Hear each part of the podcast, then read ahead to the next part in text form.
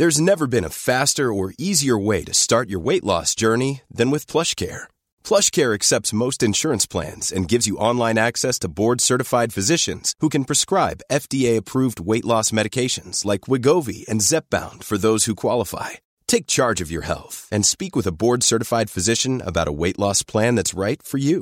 Get started today at plushcare.com slash weight loss. That's plushcare.com slash weight loss. plushcare.com slash weight loss. Tony Media.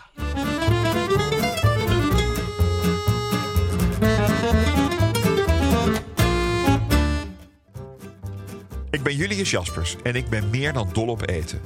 Iedere week pak ik één product uit mijn voorraadkast en zal jullie daar alles over vertellen. Vandaag zijn dat. oliebollen. Bij oliebollen denkt iedereen natuurlijk meteen aan oudejaarsavond. Maar ik niet. Ik denk aan de Oude Kerken Kermis. In mijn jeugd een van de sociale hoogtepunten van het jaar. Althans bij ons in de polder. De kermis werd meestal opgebouwd rond 25 april en had als hoogtepunt Koninginnedag. Daarna, of eigenlijk nog op de avond zelf, als de leden van het Koninklijk Huis aan het dessert gingen, begonnen de kermisklanten met afbreken om een paar uur later naar de volgende plek te rijden. Ik vermoed voor de 5 mei-kermis. In Oudekerk waren er standaard botsautootjes, bulldozers, je weet wel, met die muntjes, een schiettent, een suikerspin en natuurlijk een oliebollenkraam. Ik was vooral van de krentenbollen, de oliebol met krenten zeg maar. En wachtte geduldig tot er een nieuwe lading uit het vet kwam. Die moet je namelijk altijd hebben. Als je tenminste aan de kraam staat. Mijn zuster was meer van de oliebol. Mijn moeder van de Berliner. Je weet wel, die gefrituurde lichtzoete met gele room gevulde bollen. Maar ik vond dat maar niks met die room. Een warme krentenbol met veel poedersuiker. Top! Met oud en nieuw probeer ik ze altijd te vermijden. Sowieso in het buitenland, want als ze daar al zijn, heeft iemand ze vier dagen daarvoor gekocht en meegenomen. En op de avond zelf vind ik ze na een paar uur toch vooral naar de verpakking gaan smaken. Een oliebol in de magnetron vind ik niet te doen, evenals het zelf bakken. Wat een gedoe allemaal. Ik trap nu mensen op hun hart, maak ik straks goed. De oorsprong van oliebollen gaat terug tot de middeleeuwen. En misschien wel eerder onder de Batavieren. Wanneer arme mensen vroeger langs de deuren trokken en liedjes zongen in ruil voor wat eten, was een van de dingen die ze kregen een warme en voedzame oliebol. Ze werden gebakken als onderdeel van winterse festiviteiten. Ze werden dan ook bereid met ingrediënten die vooral in de winter beschikbaar waren en werden destijds oliekoeken genoemd. Bereid met onder andere rozijnen, krenten en stukjes appel. Het recept kwam we voor het eerst tegen in het kookboek De Volmaakte Hollandse Keukenmeid uit 1746. In dit recept wordt gebruik gemaakt van een ijzeren pot gevuld met raapolie. Pas eind 19e eeuw gaat de oliekoek in kookboeken daadwerkelijk oliebol heten en wordt het een traditionele lekkernij bij oud en nieuw. Een oliebol is eigenlijk niets meer als een gefrituurde bal van gistdeeg uit Nederland, België en af en toe Noord-Frankrijk.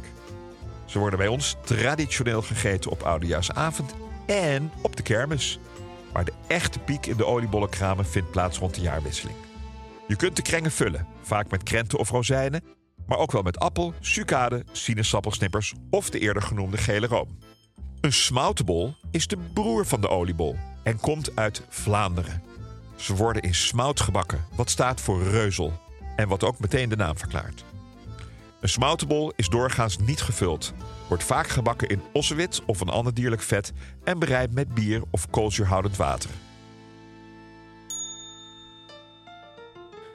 De hamvraag van vandaag gaat over oliebollen. Hoe kan het anders? En komt van Olaf BSO. Best Julius oliebollen met of zonder melk bakken. Mijn zwager doet het en ik heb het anders geleerd, namelijk met een bierbeslag. Beste Olaf, er gaan vele wegen naar Rome. Je hebt oliebollen die worden met bierbeslag gemaakt. Je hebt ze met een melkbeslag. Mijn grote vriend Robert van Beckhoven, een bekende, beroemde patissier, doet het met water, maar voegt daar melkpoeder aan toe. Zoals ik al zeg, er gaan vele wegen naar Rome. Probeer ze allemaal uit en pak eruit welke jij de lekkerste vindt. Succes! Ik heb nog een hamvraag deze week, want oliebollen is natuurlijk buitengewoon populair zo vlak voor de jaarwisseling. En die komt van Wilco van Poppelen. Beste Julius, hoe voorkom ik dat de bollen veel olie opzuigen? Nou, Wilco, dat is afhankelijk van een aantal factoren. Het eerste is gebruik een goede olie. Ik gebruik zelf altijd zonnebloemolie. Arachideolie kan ook. Pas even op dat er niemand een pindaallergie heeft. Het tweede is de temperatuur van de olie. 175 à 180 graden is zowel een beetje de max. Het derde is, gooi niet te veel bollen tegelijk in het vet. Dan koelt namelijk je vet in ene enorm terug en dat wil je niet. Dus doe in een normale huistuin- en keukenfrituurpan drie, max vier bollen. En last but not least, laat de bollen na het bakken, als ze mooi krokant bruin zijn, goed uitlekken op wat keukenpapier. En dat is natuurlijk nadat je ze hebt gebakken en ze regelmatig hebt omgedraaid. Succes! Er zijn twee soorten oliebollen, je gelooft het niet. De kermis kraamoliebollen of de luxe bakkersoliebollen. Het is een beetje net als met de kroket. Kermis kraamoliebollen hebben een korte afbeet met een dichtere structuur en worden meestal snel aan de kraam of binnen 24 uur geconsumeerd. Ik vind dat al best lang. De bakker maakt er vaak meer werk van. En dan heb ik het vooral over de smaak. Zo voegt mijn vriend Robert van Beckhoven, ik noemde hem al even bij de hamvraag, limoenrasp, vanille, krenten, rozijnen en appel toe aan zijn beslag, waar de bol behoorlijk van opknapt. Om oliebollen te maken meng je bloem, eieren, lauwe melk en gist tot een beslag. Je laat het beslag rijzen op een warme plek en vervolgens bak je ze in hete olie tot ze goudbruin zijn, waarna je ze bestrooit met poedersuiker. Het klinkt allemaal heel simpel, maar dat is het niet. Over bijvoorbeeld de temperatuur van het water of de melk moet dat nu juist 35 graden zijn of juist meer naar de 45 graden. En verder is het een precies werkje. Niet zelden wordt bijvoorbeeld de hoeveelheid suiker en zout met elkaar verwisseld. De kwaliteit van de bloem, ook zo'n ding. En van de krenten en rozijnen.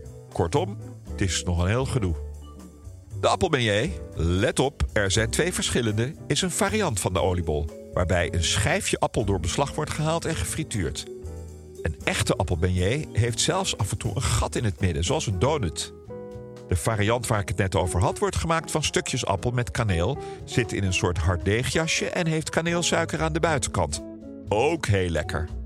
Om het nog makkelijker te maken hebben we ook nog de appelflap. Maar die is van bladerdeeg en komt uit de oven. De Berliner Bol, mijn moeders favoriet, is een andere variant die na het bakken wordt gevuld met gele room of ook wel met jam. Een gewone oliebol heeft ongeveer 160 calorieën. En dat ongeveer is omdat niet elke oliebol even zwaar is. Dit gaat over een oliebol van 65 gram. Gek genoeg is dat minder dan een eierkoek. Maar er zit dan ook een stuk minder suiker in. Wel wat meer vet. Ik zei eerder al dat ik een oliebol in de magnetron geen goed idee vind. Maar als je het dan toch doet, want een warme oliebol is nu eenmaal lekkerder dan een koude, dan heel kort. Liever even in de oven. Een minuut of vijf op 180 graden. Dan blijven ze ook wat krokanter. De oliebol wordt nog wel eens naast de churros gelegd. Ook heel populair. En er zijn ook veel overeenkomsten. Maar ook verschillen. Namelijk gist, wat de oliebol wat luchtiger maakt. Wist je trouwens dat de Amerikaanse donut oorspronkelijk uit Nederland komt? De Nederlandse kolonisten hebben het recept voor oliekoeken, de toenmalige oliebollen, meegenomen naar de nieuwe wereld. Waarna het maar een small step was voor de snack met het gat in het midden. Pretty large for mankind.